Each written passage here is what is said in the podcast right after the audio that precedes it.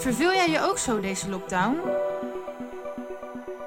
Ben je eenzaam, futloos? Mis je de structuur?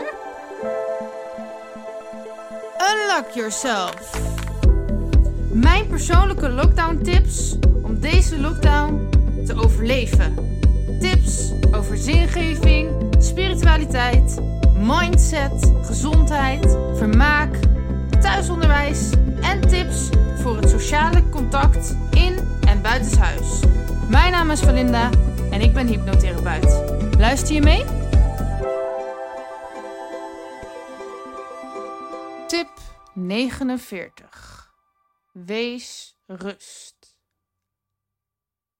Al lijkt de wereld soms op instorten te staan, maak je geen zorgen over de toekomst.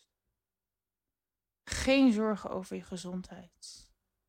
Of over je kind en dat hij of zij misschien een leerachterstand oploopt. Al is je huishouden een bende. Al loop je achter met je eigen werk of je kinderen misschien met een school.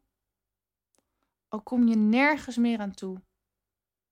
Blijf altijd ademhalen. Jouw rust en vertrouwen in dat het goed komt en al goed is. Zorg dat de rest om ons heen ook rustig wordt en blijft. De wereld om ons heen weerspiegelt alles wat er in jou speelt. Dus als jij rustig bent, zullen je kinderen dat ook zijn. Als jij vertrouwen hebt in het leven en jezelf, zullen, je kinderen dat ook hebben. Alleen, je kan jezelf vaak niet dwingen tot rust. Want alles wat je moet, zorgt je altijd weer voor spanning.